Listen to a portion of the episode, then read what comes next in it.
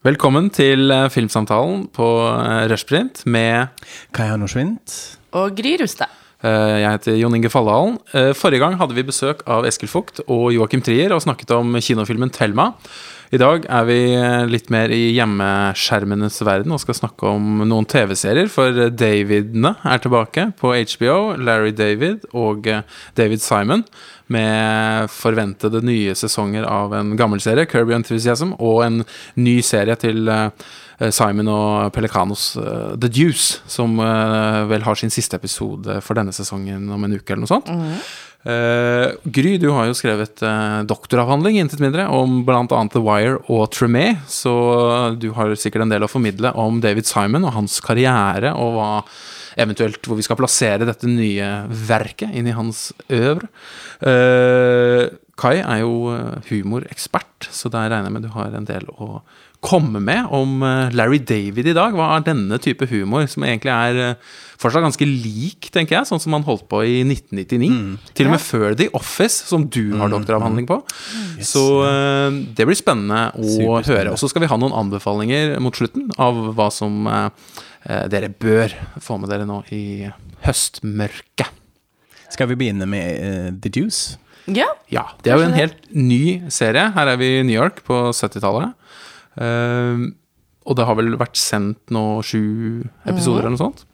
Uh, kunne du sagt noe litt om hvilken rolle David Simon har hatt uh, for og i HBO, og som del av det brandet som jo var med på denne store nye si, kvalitetshevingen av TV de siste ja, kanskje 20 årene, kan man kanskje snakke om nå. Altså, David Simon står jo bak det veldig mange vil si er tidenes uh, beste TV-serie, The Wire. Eh, det er kanskje The Sopranos av en annen David, som også var veldig viktig for HBO, nemlig David Chase.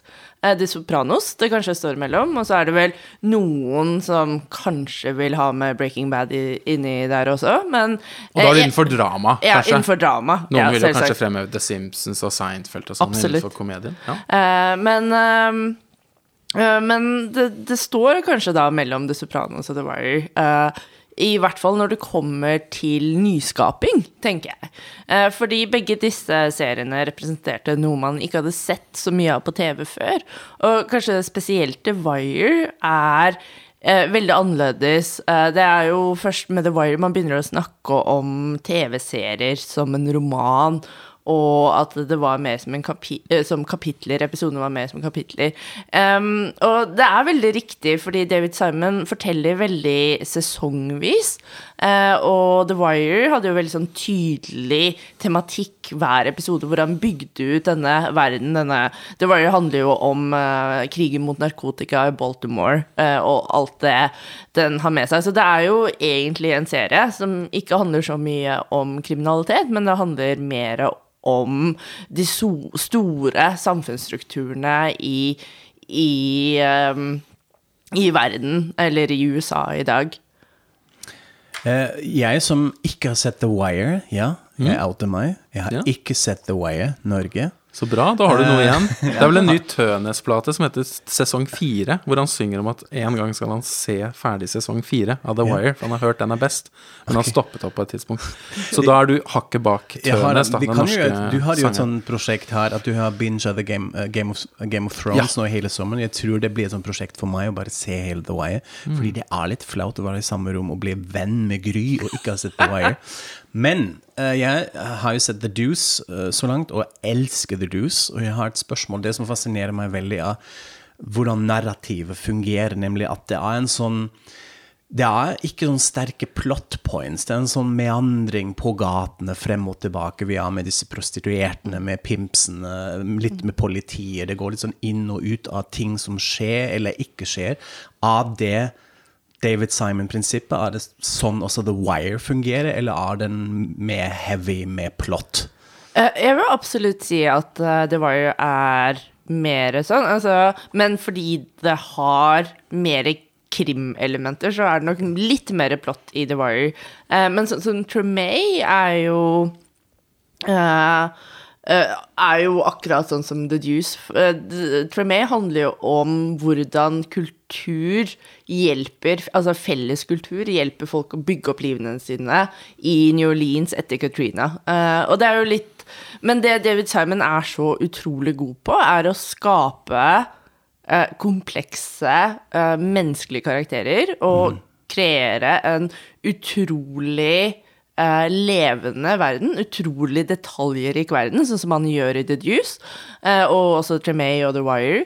Um, og klare å dra disse store historiene om samfunnet ut av disse små historiene om disse helt normale menneskene man møter. Uh, og det er jo veldig, veldig få serieskapere som klarer å gjøre det på denne måten.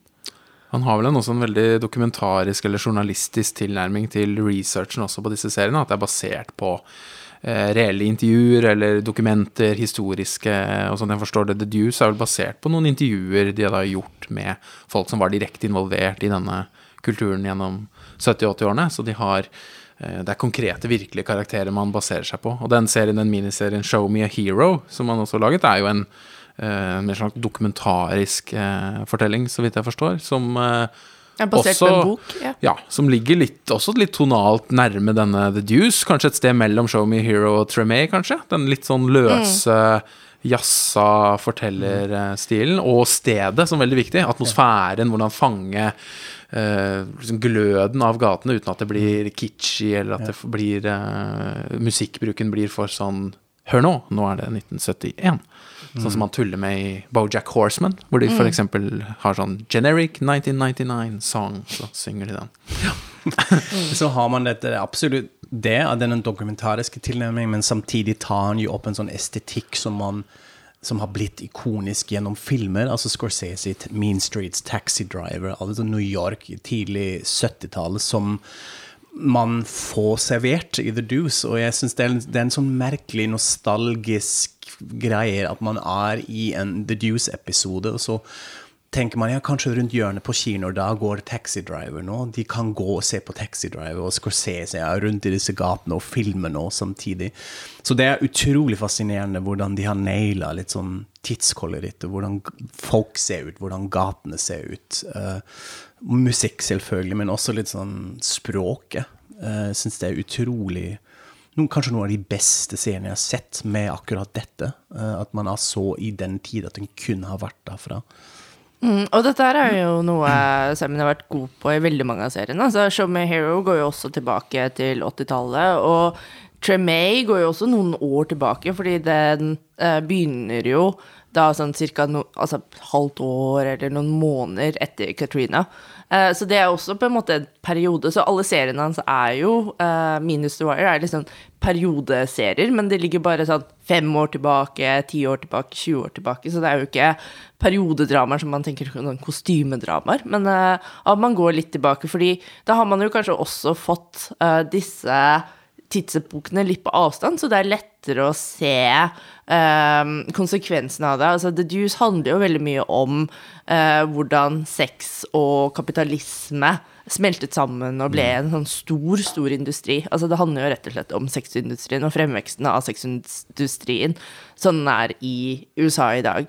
Uh, så det jeg har hørt, er jo at neste sesong, sesong to, uh, kommer jo til å hoppe ganske mange år frem i tid. Uh, og følge Så det er antageligvis en del av karakterene som ikke blir med oss. Mm. Så det gruer jeg meg litt til. Jeg har blitt så utrolig glad i denne verden.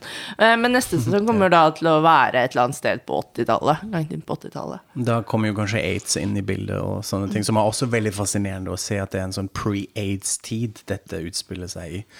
Uh, og veldig interessant også hvor nyansert den rollegallerien er. At du har mer sånn, med sånn klassisk bilde av en utnyttet prostituert. Men samtidig har du også Maggie Gyllenhaal-karakteren som er prostituert, som nekter å ha hallik. Hun vil jobbe for seg selv, og hun oppdager pornoindustrien etter hvert, hvor hun også lærer seg om film. Hvordan lager man filmer, hvordan funker dette her? Og det blir jo spennende å se hva som skjer med hennes karakter, om hun blir en sånn pornoregissør etter hvert. Utrolig bra karakter og fantastisk spilt av henne. Som, hun har jo også produsert serien, så det var veldig bra. Ja, og det er jo utrolig kult er jo disse kvinnelige karakterene, og Maggie Gyllenhaal er jo helt fantastisk, men jeg syns også de andre eh, prostituerte har så mye menneskelighet i seg. Altså, du, du ser på en måte bak eh, den prostituerte, da. De er alle forskjellige, og alle forskjellige innfallsvinkler til dette yrket. Nå lagde jeg sånn gåsetegn. Eh, og, og, og de har også, eh, Simon og Pelacano, så har jo snakket mye om eh, hvor eh, eh, At de er veldig klar over at de lager en serie om kvinner som blir utnyttet i en sexindustri. Så de har jo eh, passet på veldig mange kvinnelige eh, regissører. Og så hørte jeg et intervju med Pelakanos hvor han snakket om klippingen, fordi de er veldig opptatt av at eh, disse kvinnene ikke skal bli objektifisert. Så de sitter liksom i klipperommet, da, fortalte han, og så bare har de, en, eh, har de et bilde av en pupp, da. Eh, Fordi det er jo naturlig i en sånn setting. Man kunne jo ikke ha, ha, lagd en serie om prostitusjon og pornoindustrien uten nakenhet. Men hvor de ser denne puppen, og så er det sånn Hvor lenge kan vi holde det, dette klippet uten at det blir fetisjerende og objektifiserende? Mm. og så tenkte jeg for meg selv, det tror jeg aldri har blitt sagt i et klipperom på HBO noensinne. Nei, De har jo den der eh, spoof-videoen på YouTube om eh, It's Not Porn, It's HBO, HBO, hvor alle disse skuespillerne forteller og ringer til familien og sier at 'jeg har fått den og denne rollen, og jeg skal gjøre dette og dette og dette', og så blir de fortalt at 'jo, men du- skal spille i porno', og så 'nei, nei, nei, det er eh, HBO', og så blir de veldig stolte og glade partnerne og foreldrene og sånt. Så det er klart, denne serien er jo den er takknemlig med epoken og holdt på å si, yrkesgruppen den er lagt til, fordi de, de slipper de der anklagene om eh, unødvendig nakenhet og unødvendig vold, fordi det på en måte tilhører denne kulturen. Det er klart en serie som Game of Thrones eller en eh, hvilken som helst annen serie vil jo måtte ja, kanskje jobbe lite grann for å forsvare denne bruken av nakenhet, f.eks.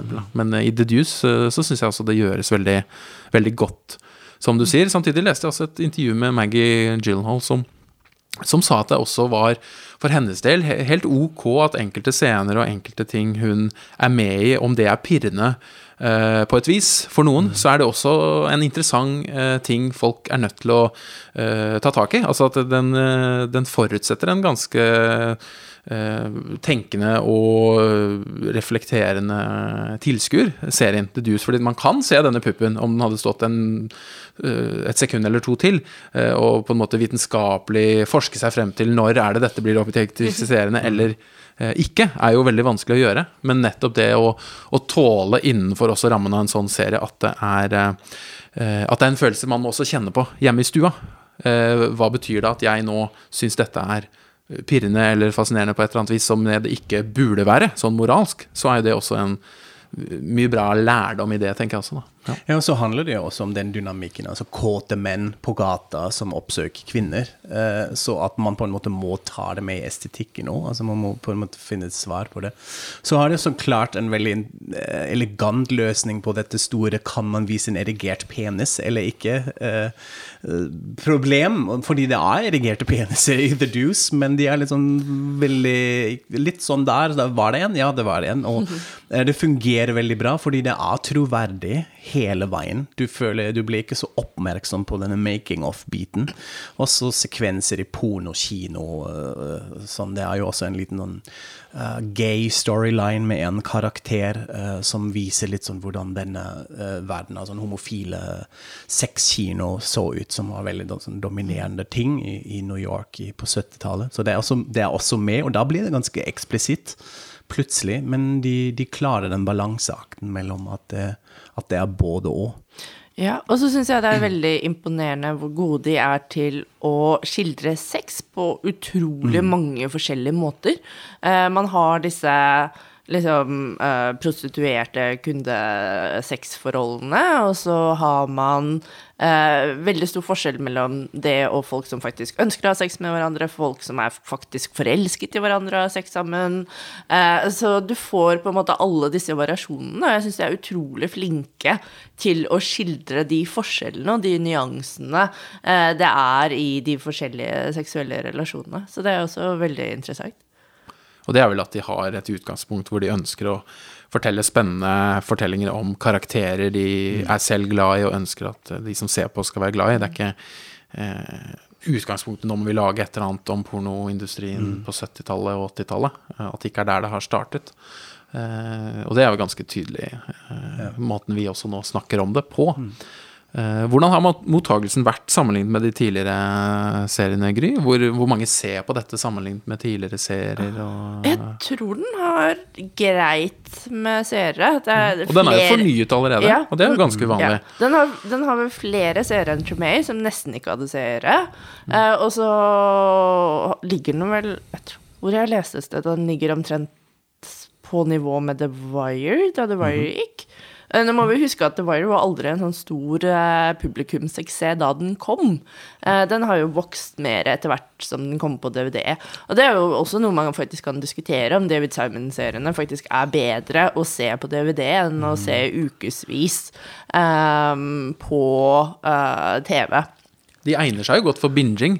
Jeg så jo disse The Deuce-episodene midt i juli. Da HBO før de fikk sånn hacking og bare lukket alt for alle journalister. eh, og den, den funket veldig godt å se sånn over to kvelder, som en sånn uh, lang eh, fortelling. Um, så det er jo et litt annet univers uh, i TV, denne peak TV-greia vi har nå med Netflix og Amazon og FX som har sine ting. Og eh, hva vil du si er eh, de store forskjellene nå med å komme med en serie nå høsten 2017 kontra å begynne med ja, The Wire, da, da den kom, i uh, hele floraen av uh, det man før kalte fjernsynsserier, men som nå bare kanskje kan hete serier. Ja, ikke sant? Det er jo mye vanskeligere å slå igjennom. Men jeg tror på mange måter at David Simon har funnet sin plass i serieuniverset, og de som er glad i Simon og seriene hans, ser på seriene hans. Eh, men jeg vet ikke helt om han nødvendigvis kommer til å han, kom, altså, han kommer aldri til å lage noe Game of Thrones. Uh, Nei, en sånn blockbuster-serie. altså det kommer kommer aldri til å skje. Han lager de seriene han lager med som er liksom Det er ikke så mye plott, det er mer vekt på karakterer. Det er ikke uh, hvem er morderen, eller hvem er monsteret, eller er det noen drager her? Altså det kommer, han kommer aldri til å lage den serien. Han lager eh, serier, som jeg sa tidligere, om de store samfunnsspørsmålene pakket ned på et sånn mikronivå med karakterer du bare elsker å henge med, og et univers du bare ønsker å være hele tiden. Men ja, da, da ligger kanskje også svar på dem hvor den type TV skal se ut, og den retningen HBO og en del av de andre går, fordi man ble litt lei av denne klimaksstrukturen og sesong fem, seks, sju, åtte, ni, et konsept som blir bare litt sånn dratt ut, men var litt sånn døde egentlig i sesong fire. Og det virker som han er en av de få, kanskje, som klarer dette, eh, hvor dette formatet er utrolig bra egnet til også. Absolutt. Og det var noen som spurte meg eh, om man fremdeles har telefili, altså dette konseptet jeg har jobbet med i avhandlingen min, som handler om at eh, man ser på enkelte serier som da The Wire og Tremay og eh, Mad Men og et par andre eh, på en litt annen måte. Hvor man ser mer etter temaer, man er veldig opptatt av estetiske detaljer, og man er ikke så opptatt av plott. Um, og uh, om de fremdeles eksisterer, så var jeg litt sånn Nei, det er egentlig ikke så veldig mye av dette lenger.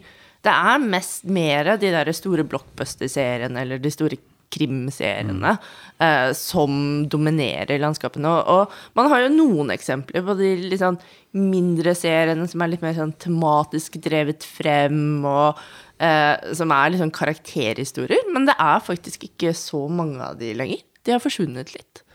Er det noe av det som da kanskje har flyttet seg litt over i det halvtimesformatet, og inn i de der eh, ubestemmelige komediene som vi ikke vet helt her om er komedier? Absolutt. Atlanta eller Better Things eller Bojack Horseman eller den type eh, karakterutvikling som man tidligere ikke så innenfor sitcomen, da, hvor det var en liksom statisk Homer Simpson som er sånn Han er litt pulserende karakter, kanskje, men han er relativt fortsatt Eller han blir kanskje dummere og dummere, han. Men uh, Uh, FX og John Landgraf, som er jo sjefen der, han har jo uh, vært veldig opptatt av dette, og kanskje litt sånn kalkulert vært opptatt av diversity, og nå må vi ha kvinner som lager en serie, så da blir det Pam Adeland som lager Better Things, og vi trenger en afroamerikansk mann, så Donald Glover lager Atlanta. Uh, men får da veldig stor kritisk suksess og gjennomslag eh, på den måten ved å eh, tenker jeg, da, ta med seg noen av disse tingene som HBO var veldig gode på for 10-15 år siden. Eh, Men, ja, men HBO har jo også begynt med dette nå. Altså, de har jo Insecure, som blir lagd av den første afroamerikanske kvinnelige showrunneren uh, på amerikansk TV. Uh, de får en ny serie nå som heter Brown Girls, eh, som handler om en afroamerikansk og en muslimsk karakter, to kvinner, eh, som bor i Chicago. Så, så man ser Så du har helt rett i at uh, dette har blitt flyttet over til halvtimesjangeren. Og jeg syns jo det mest innovative og det mest spennende skjer jo i, i den sjangeren, med de seriene du nevnte, men også serier som Nathan for you og Review er veldig sånn merkelige som du nesten aldri har sett før. Uh, så det er nok noe med dramaserien som kanskje har stagnert litt. Jeg så en TV-kritiker han mente at uh, dette går i liksom perioder, når dramaserien opplever veldig stor, mye innovasjon og veldig mye nyskaping, så er kanskje sitcomen eller komedien litt sånn kjedelig og stagnerer litt, og så eh, forflyttes liksom innovasjonen igjen etter hvert, sånn at man hele tiden eh, Sjangerne utvikler seg, da, disse to, eller formatene, kan man Han kanskje snakket kanskje ikke så mye om sitcomen i den perioden da HBOs store dramaserier var det Nei. eh, svære. Selv om det da også skjedde jo en del innovasjon, og dette er jo ditt eh, felt, Kai, med uh, Kirby Enthusiasm, The Office, rundt 2000 og den type estetikk, som nå da også er rett og slett tilbake med en ny sesong. Seks år etter Larry David laget sesong åtte, så er vi vel nå på sesong ni. Og det har vært sendt er det fire episoder eller noe sånt nå, inn i denne sesongen.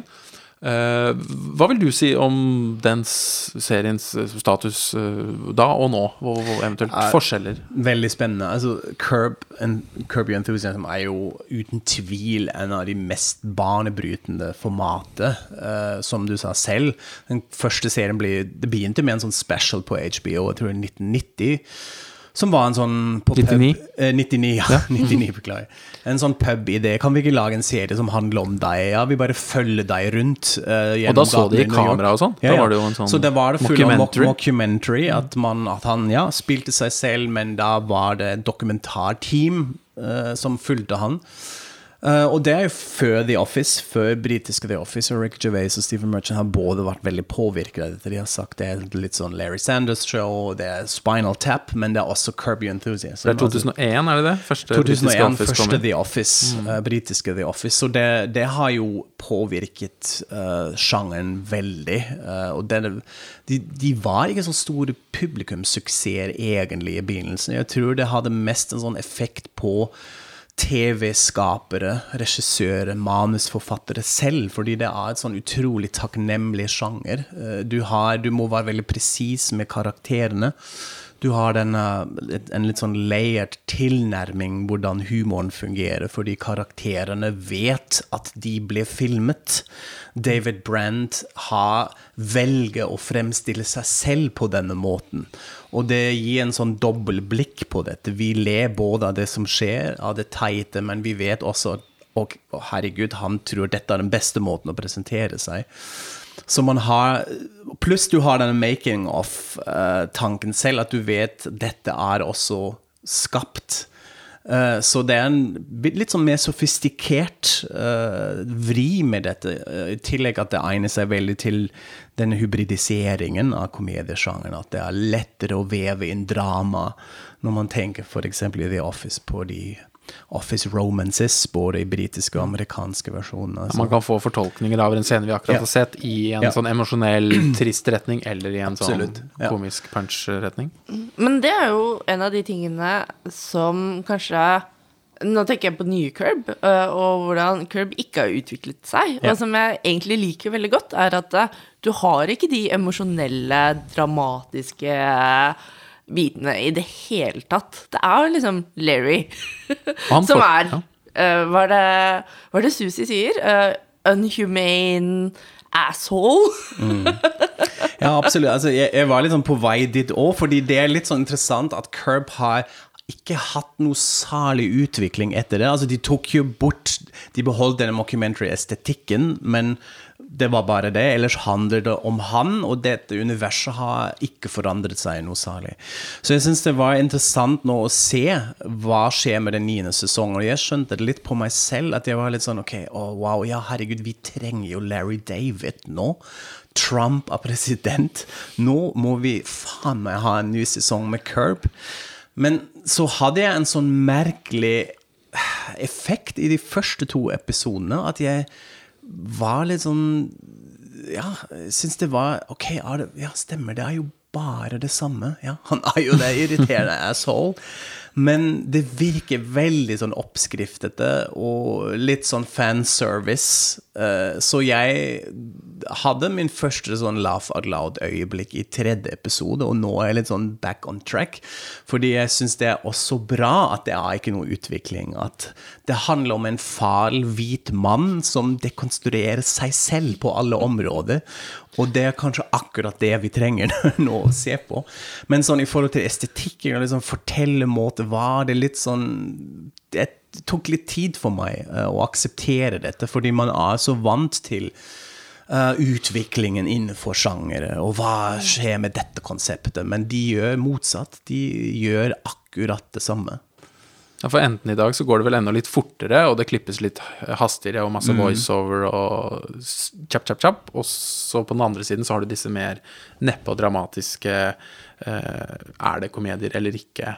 Eh, Louis eller eh, ja. den, den, type tone. Så, så, sånn sett stikker han seg jo fortsatt litt ut. For det er jo ingen som har helt eh, Ja, også en sånn eh, kunstig performance-måte. Han er jo kanskje ikke en flink skuespiller. og dette man har egentlig uh, også beskyldt Seinfeld for å være lenge. Altså denne litt sånn ikke troverdige måten å spille. Uh, og det har Larry David òg, men det, det, fungerer ganske bra akkurat i det universet, fordi alt er litt sånn heightened og hyper og hysterisk, og de situasjonene for å få til denne pinlighetshumoren må du egentlig ha ganske troverdige situasjoner. At man hadde sånn Å, puteeffekten. Å, shit, dette kunne, å, dette kunne ha skjedd med meg. Men de drar det jo veldig langt. Uh, og er, de er sånn sett ikke troverdige, men de har sånn sett skapt sitt eget univers hvor man ja, nå begravelse til nevøen til uh, Funkhauser, så vet man ok, det går til helvete med en plassreservering, men det er ikke en troverdig situasjon sånn sett, men den fungerer utrolig bra i Curb-universet, og man blir flau, og man har lyst til å skrike av glede og flauhet. Så sånn sett fungerer det veldig bra. Så virker det som man ikke tar noe spesielt hensyn til nye sånne debatter eller at Twitter nå fins, ja, ja. eller at man plutselig mm. kan få en hashtag mot seg. Om man enten er sexistisk eller fordomsfull eller mm. fremmedfrykt eller mm. Alle de tingene er han. Han fortsetter å, å, spille denne karakteren som ikke har noen hemninger mot å påpeke uh, at en, uh, en, kvinne ikke ser ut som en brud i et uh, lesbisk forhold, f.eks. For mm. og det, det vil jo en standup-komiker ville jo kanskje fått den derre oh, mm. Den reaksjonen på en sånn ting, men innenfor Larrys univers, så, så, så, tør han i hvert fall å leke. Ja. Har du lagt merke til det? Har noen reagert på uh, uh, serien så langt? Eller ja, jeg så faktisk at det var noen kritikere som var sånn De ikke likte det som kom tilbake, fordi jeg tror at Og da spesielt i USA, så er, er man liksom så opptatt av identitetspolitikk og uh, denne måten å tenke på at man skal være veldig finfølende, og man skal ikke krenke noen hele tiden. Uh, sånn at uh, for de så var det vanskelig å se på Kirby igjen. Uh, men jeg har ikke sett at han har blitt veldig angrepet for det, og jeg tror det har noe med Reddet av Harvey Weinstein. mm, ja. Nei, men jeg tror faktisk det har noe med at han han gjør det jo mot alle. Altså, mm. Larry er jo på denne måten Han diskriminerer jo Nei. ingen. Og det er derfor det fungerer. For ja. han er like jævlig mot alle. Mm. Og da er det på en måte helt greit. Ja. Det er akkurat en fin oppsummering egentlig av hele serien. Ja. Det er akkurat det oppskriftet, at, at, det fungerer, og at man også er med ganske lenge, fordi det er mange sånne varsellamper som går hele tida. Uh, ok, nå er de på det området, og nå er det fatwa, og hva gjør de med dette? Men så skifter det. og Eh, så det er egentlig en sånn fin metakommentar også på måten man er opptatt av rase og identitet og de boksene som dominerer amerikansk samfunn så veldig. Han bare kjører over alle. Ja. sånn sett så er den jo kanskje ja. også da en mer, litt mer politisk sesong, denne nye også. Som, mm. som på sin måte diskuterer terror og trusler. Salman Rushdie Salman, som vi lærte i den forrige episoden, er med, ikke sant? Spoiler alert. Too, too late. Eh, og disse at man kan lese dagens sånn kjønnsdebatt eller eh, etnisitet inn i Også inn i Curb-universet, da. Men at han gjør det på sin, sin spesielle måte. Han har, han har planlagt å lage en musical som heter Fatwa, som han skal sette opp på Broadway. For han syns det er veldig morsomt å være en sånn som denouncer folk hver dag og slår med armen og er en sånn uh, kul uh, ayatollah som er gæren. Litt sånn Steinbrenner fra Seinfeld-aktig karakter, kanskje. Ja, men første episoden i den nye sesongen eh, viste jo oss faktisk at Larry også har en grense, for han har jo denne helt forferdelige assistenten, eh, spilt av Kerry Brownstein. Eh, hun er verdens mest udugelige assistent, det tror jeg alle kan være enige om. Hun kan ikke fylle på en penn engang. Nei. Eh, og så, men så hva er det der? Hun er, over, hun er overlevelses... Nei, hun har overlevd seksuell misbruk som barn, eller et Ja. eller annet sånt. Eh, så selv Larry klarer ikke å sparke henne. Så han har faktisk en grense, han òg, altså. Ja. Men han bruker det ofte til å spørre andre hvor lenge må jeg vente før jeg kan slå Ja. opp med denne kvinnen fordi Ja. hun har mistet noen, eller hvor, ja. Ja, du, han har sånn sett blitt litt mer selvreflektert, at han vet jeg burde kanskje spørre noen før. Jeg må utveksle meg litt mer med Jeff, eller med psykologen, som vi så i siste episoden. Eh, så sånn sett har det kanskje vært en utvikling. Så litt mer reflektert Litt Larry mer reflektert, David, ja. og fortsatt ikke diskriminerende. I den måten at han diskriminerer Eller han, er, han er slem mot alle, da. Absolutt. Det blir interessant å se hvordan de avslutter dette. Jeg tenkte litt på det nå. Er det den siste sesongen? Eh, og såpass var finalen. Han har jo et sånt rykte på å være altså Seinfeld-finalen har jo blitt veldig kritisert, at den var så dårlig som han var med, og han har også forsvart det. Jeg har også sett et intervju De tuller jo med det i den Seinfeld-episoden av Curb ja. også. At we yeah. fucked up one ending, let's not fuck up this ending, sier vel Jerry. Og så yeah. what? Larry er ikke enig i det. Så det blir interessant å se om de avslutter da, eller om det blir en sånn gigantisk showdown med et eller annet. Eller om Det får vi vel henge. snakke om om eh, eh, noen podkaster, kanskje. Ja. Hvordan det har gått med denne serien. Mhm. Eh, skulle vi hatt noen oppsummerende ord eh, om Curb før vi går til våre eh, anbefalinger? Det er godt å ha både Larry David og David Simon tilbake på HBO, Ja. tenker jeg. Det er veldig godt, og det føles litt sånn throwback til eh, da jeg virkelig, virkelig forelsket meg i det å se på TV. Det er jo veldig fint. Og så har de på en måte sånn to parenteser, kanskje, det, til det som utgjør HBO. Man har det nyskapende uh, med The Deuce, som gjør noe med formen og hva, man kan, hva det betyr å se på TV i 2017. Samtidig som de gamle gubbene er tilbake og Som, med. ikke sant, som på en måte skapte TV sånn vi kjenner det i dag, på mange måter. Og så har vi jo ikke snakket om David Milch. Det er jo også en David som Ja. eh, vel eh, driver med litt forskjellige ting, tror jeg. Ja, ja, Syns jeg leste noe om den eh, Var det True Detective? ja han har Ja. vært med å skrive en episode av True Detective. Ja. Uh, han har jo også gjort disse litt mer sånn, i hvert fall eh, kommersielt mislykkede John from Cincinnati og Luck ble vel også tatt av, selv om jeg vet det er en av dine favoritter sånn eh, kunstnerisk. At det er, eh, og Deadwood, selvfølgelig, som er vel hans uh, mesterverk, da. Eh, må vi tørre å si. Ja, men han har hatt noen sånne piloter som ikke har gått videre i HBO-systemet. Og, men altså, han er jo en uh, raring. han eh, jobber jo som professor ved Yale. eh, I kreativ skriving, og så er han jo har, jo, har han jo dette, denne spillavhengigheten sin, og Så det er jo litt sånn Han prøver, og så Vi får nå se, men jeg håper vi får den Daviden tilbake òg. David Chase har jo sagt at han aldri kommer til å jobbe med TV igjen, så det er jo litt trist. Men vi har i Sluttet hvert med et svart bilde. To av de To av de har vi i hvert fall med oss videre, da. Så det er fint. Men hva ellers, eh, når vi snakket om disse to, hva er det dere vil, hvis vi har en eller to eller tre eventuelt eh, ting dere vil anbefale for eh, de som hører på? Skal jeg begynne? Gjør det, du. Eh, nå har vi snakket så mye om HBO at jeg tror vi må nevne Netflix og de ting som skjer der. Og jeg har oppdaget eh, nye filmen til Noah Baumbach på Netflix som blir lansert med litt sånn PR-bruhaha. Eh, The Mayowitz Stories, News and Selected, som ble presentert i Cannes faktisk i år eh, med en pressekonferanse, og ble også visst da, og var jo del av den kontroversen. eh, skal vi ha Netflix med her på den festivalen? Hva betyr dette? Eh, mange diskusjoner rundt det. Jeg likte den veldig godt. Ny film med Dustin Hoffman, eh, Ben Stiller og Adam Sandler. Eh, endelig tilbake i en mer seriøs rolle. Han har jo gjort det før, og man vet jo at han kan det. Men så forsvinner han i en rekke med sånn ultrafjollete komedier som kanskje fungerer best når man er full. Eh, men det var for meg veldig fint å se dette. Jeg er ikke en sånn Noah Baumbach-fan. Han har jo laget eh, The Squid and the Whale, Greenberg med Ben Stiller og Frances Ha, som jeg så sist, som jeg syns var veldig sånn middelmodig. eh, litt sånn ja ja, greit. Men her var jeg veldig betatt. Det er en sånn film som Woody Allen pleide å lage på 80-tallet, kanskje. En familiehistorie hvor Dustin Hoffman spiller en sånn patriark.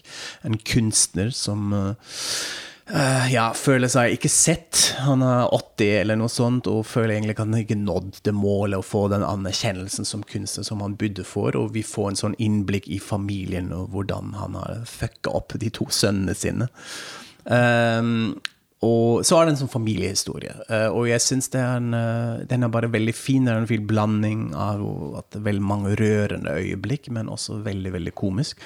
Og hvert for en cameo av Emma Thompson alene. Hun spiller nye kjæreste til faren Dustin Hoffman. En alko alkoholikerdame som en sånn gammel 68-hippie-person. Eh, veldig morsomt, og som alltid med Emma Thompson blir man så satt ut hvor flink hun er på amerikansk, altså med amerikansk aksent. Uh, du har jo også sett den, Jon Inge. Ja. Uh, har du det samme opplevelsen? Jeg syns også det var en veldig sånn solid eh, Hadde den som en sånn søndagsfilm Ja. hjemme med kona, og den var veldig Oppsummert etterpå fra henne var vel at eh, sånne filmer syns jeg du skal vise oftere. Så sa jeg, men det er ikke så ofte sånne filmer Ja. lages, for det er litt sånn sjelden vare. Den litt sånn litt for pratsomme New York-filmen Ja. fra et sånt miljø som er litt Woody Allen-aktig, og eh, intellektuelt, og det er kunstnere, og veldig litt sånn selvopptatte Ja, mennesker, men som allikevel har masse problemer. Og det er gjerne familieting. Og den har en sånn fin struktur med at vi først møter den ene broren, og så får vi perspektivet på far derfra, og så møter vi den andre, og så får vi et annet perspektiv. Eh, så sånn sett er den litt sånn Jeg tenkte litt på Den ligner jo ikke noe på The Royal Tenbounds, men den har noe av den derre eh, den, den store familien og alle som har eh, store vyer, og så ligger det veldig mye issues både i og, og mellom linjene. Og, det noen, og den tar også noen sånne uventede veier, så jeg syns den var ganske eh, Akkurat da du tror at nå skal klemmen komme, så begynner du å slåss i stedet, f.eks. Og det er eh, ganske fiffig gjort. Så veldig, veldig bra film, rett og slett, syns jeg, altså. Så finner den også masse sånne små, rolige, rørende øyeblikk. Eh, man skal ikke spoile for mye, men Dustin Hoffman-karakteren blir veldig syk. Og litt sånn hvordan han blir presentert og fremstilt i siste delen. En sånn gammel far, en sånn patriark som er egentlig døende. Uh, Syns jeg var veldig fint å se. Noen veldig fine måter å etablere karakter på også, hvordan eh, eh, Sandler og hun som spiller datteren, som jeg ikke husker navnet på, hvor de sitter og spiller en sang. Altså de, har en sånn, de forteller om De sitter ved piano Ja. og spiller firehendig, og så forteller de historier fra barndommen. eh, og leker litt med Ja. en eller annen Det er en sang de skrev da de var ni år, eller noe sånt. Det kan Ja. minne litt om den scenen i Tony Erdman, hvor de sitter og synger sammen og spiller Whitney Houston. Ja. Den derre far-datter-forholdet som er en sånn eh, det kan hende jeg ser det med mine briller, siden jeg har en datter og tenker på den type relasjoner når jeg ser film. Sikkert mer enn før. Men uh, her syns jeg det var veldig fint gjort. Det, var, det, var, det er på ingen måte der dysfunksjonen ligger. Det er, et, det, er et godt, fint forhold for eh, karakteren, og så er det de andre. Den ballasten han sliter med fra generasjonen over, da, som blir eh, liksom, konfliktdrivende. Så sånn sett er det jo en spennende dramafilm også. Hvordan, Ja. hvordan går dette? Kommer de til å klare å ja, snakke sammen til slutt? The Mayowit Stories, News and Selected, på Netflix. Gry? Ja, jeg tenkte at jeg skulle ta to, men litt sånn korte anbefalinger denne gangen. Uh, Halt and Get Fire uh, er en serie som handler om uh, utviklingen av internett og datateknologi. Begynte som en slags sånn rip-off av Mad Men. Uh, hvor det handlet om en sånn mystisk fyr som kommer inn i et IT-selskap og skal gjøre om på IT-verden. Eh, men serien utviklet seg eh, veldig i løpet av de fire sesongene som gikk. Det er en AMC-serie. Um, og endte opp med å bli en av de beste seriene på TV, syns jeg. For meg så er det soleklar, i hvert fall topp fem av de beste seriene jeg har sett i år. Hvor kan man se den her Denne kan man da se på HBO Nordic. Ja. Der ligger de tre første sesongene, så den anbefaler jeg. Eh, fantastisk um, rollegalleri med fire karakterer som du blir utrolig glad i. Og i det som er kult, er første sesongen virker som den handler veldig mye om disse to mennene, da. Men etter hvert som serien utvikler seg, så fokuserer man mer og mer på eh, vennskapet mellom kona til den ene mannen og så den nye litt sånn punkeprogrammereren, eh, som danner egentlig hjertet i denne serien. Eh, men eh, utrolig flott dramaserie som jeg anbefaler alle å se på hvis man savner serier som f.eks. Mad Men eh, og den type karakterdrama. Og så til slutt så vil jeg anbefale The Good Place, som er en ny sitcom eh, som eh, med mm, Ted Danson. Er dette Netflix? Uh, ja. Første sesongen ligger på Netflix uh, med Ted Danson og Kirsten Bell. Uh, som da handler om at Kirsten Bell kommer til himmelen. Så det handler rett og slett om etterlivet. Eh, men det som er utrolig kult så Vulture eh, beskrev denne serien som en slags eh, mysteriesitcom. og, og den, har, den er bygd opp litt sånn som Lost. Veldig masse cliffhangers, veldig mye nå snu Masse sånne kule twister og sånn. Og så er det selvsagt utrolig, utrolig morsomt. Så den anbefaler jeg absolutt. Du har også sett den, har du ikke det? Nei, jeg eh, holder på, så jeg vil ikke uttale meg ennå. Men det er et godt eksempel for en uh, hybridisering av sitcom-sjangeren. Altså den, den klarer noe Et sånn utrolig egentlig mørkt scenario som blir veldig morsomt og sånn filosofisk på en veldig sånn uforventet måte. Og så liker jeg Ted Danson. Da går vi tilbake til uh. Han er jo med der òg. så ja, jeg støtter en anbefaling. Veldig bra. Og Dansen er jo en interessant eh, Bare et lite sidespor på han. eh, da jeg leste av alle ting i Herodes Falsk sin eh, selvbiografi, så skrev han om eh, Seinfeld, om hvordan eh, suksessen der eh, kom i gang. Og det var jo selvfølgelig basert på litt kvalitet og sånne ting, men også veldig mange tilfeldigheter. Ved at Ted Danson på et eller annet tidspunkt sier nei, jeg vil ikke lage en ny sesong av Cheers, som er den største sitcomen. Og da må eh, NBC finne en annen serie og fylle den perfekte spotten med. Og da etter tre sesonger med dårlige ratings for Seinfeld, så fjerde sesongen, bang! De bare overtar på en måte publikummet til Cheers. Eh, Så sånn sett så tenker jeg I hvert fall leser nå liksom Larry Davids bruk av Ted Danson som litt sånn payback. Altså, Takk for eh, mitt liv Ja. som veldig, veldig suksessfull eh, serieskaper. Og Ted Danson har jo også prøvd seg på litt sånn dramaroller, vært litt i sånn CSI og sånn. Fargo, fantastisk. Ja, i det siste, men det er veldig, veldig godt å ha han tilbake i en NBC-komedie, rett og slett. Han er så Ja, god. Han er veldig god. Ja. Mm. Har du noen anbefalinger, Inge? Ja. Jeg har, uh, bare helt kort, så har jeg også kommet og fått sett Bojack Horseman. Og fått sett det, Så de som ikke har sett det, må jo virkelig se den serien. Uh, Det er jo, kan jo også være en liten teaser til neste podkast. Ja, da skal vi snakke litt mer om eh, animasjon.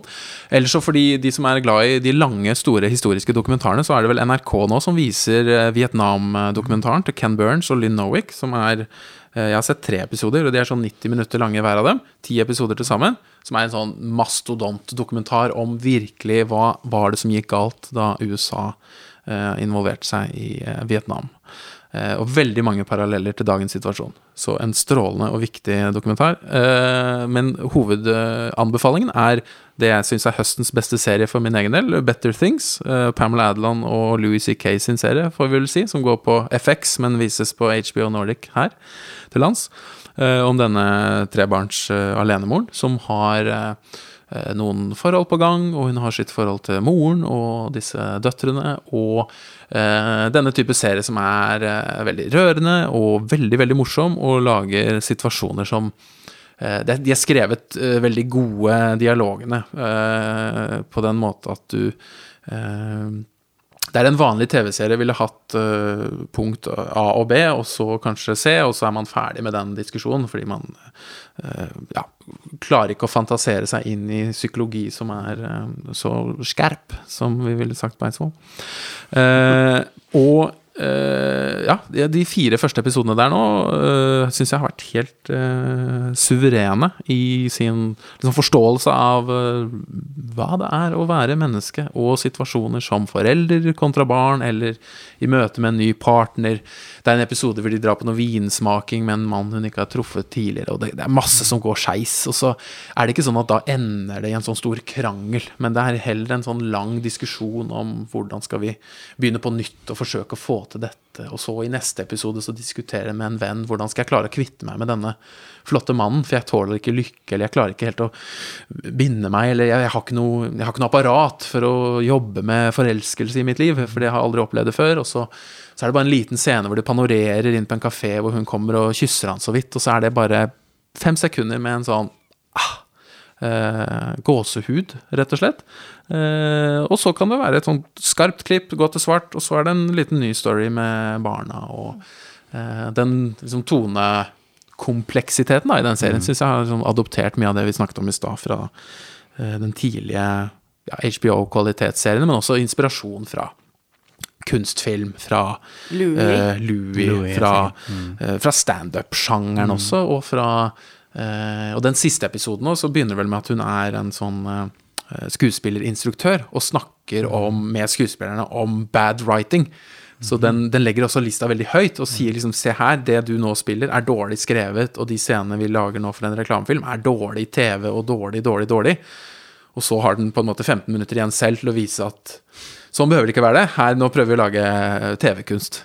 Eh, Og lykkes, syns jeg, da, i den episoden. Du fortalte at du gråt av den episoden, Gry. Ja, Gjorde du ikke det Ja. gjør jeg. Jeg er også veldig glad i um, Better Things. Mm. Hun faker en sånn begravelse for seg selv og får døtrene til å snakke.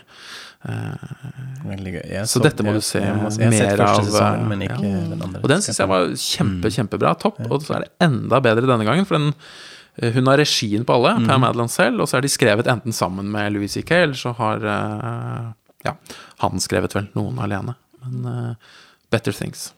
Og neste gang, som sagt, så skal vi snakke om uh, animasjon.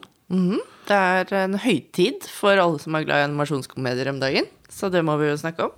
Det er mye bra. Det er Bojack Horseman. Dere har snakket om igjen. Eh, Big Mouth Uh, Rick and. Morty. Rick and Morty må vi snakke litt om. South Park syns yeah. jeg fortsatt er veldig relevant og veldig bra. Ja. Stor utvikling da. På det, det mest, kanskje de mest spennende ting skjer akkurat i denne sjangeren. Og ikke et, en liten håndfull kinofilmer heller, selvfølgelig innenfor det feltet. Men til neste gang, ha det bra. Ha det bra.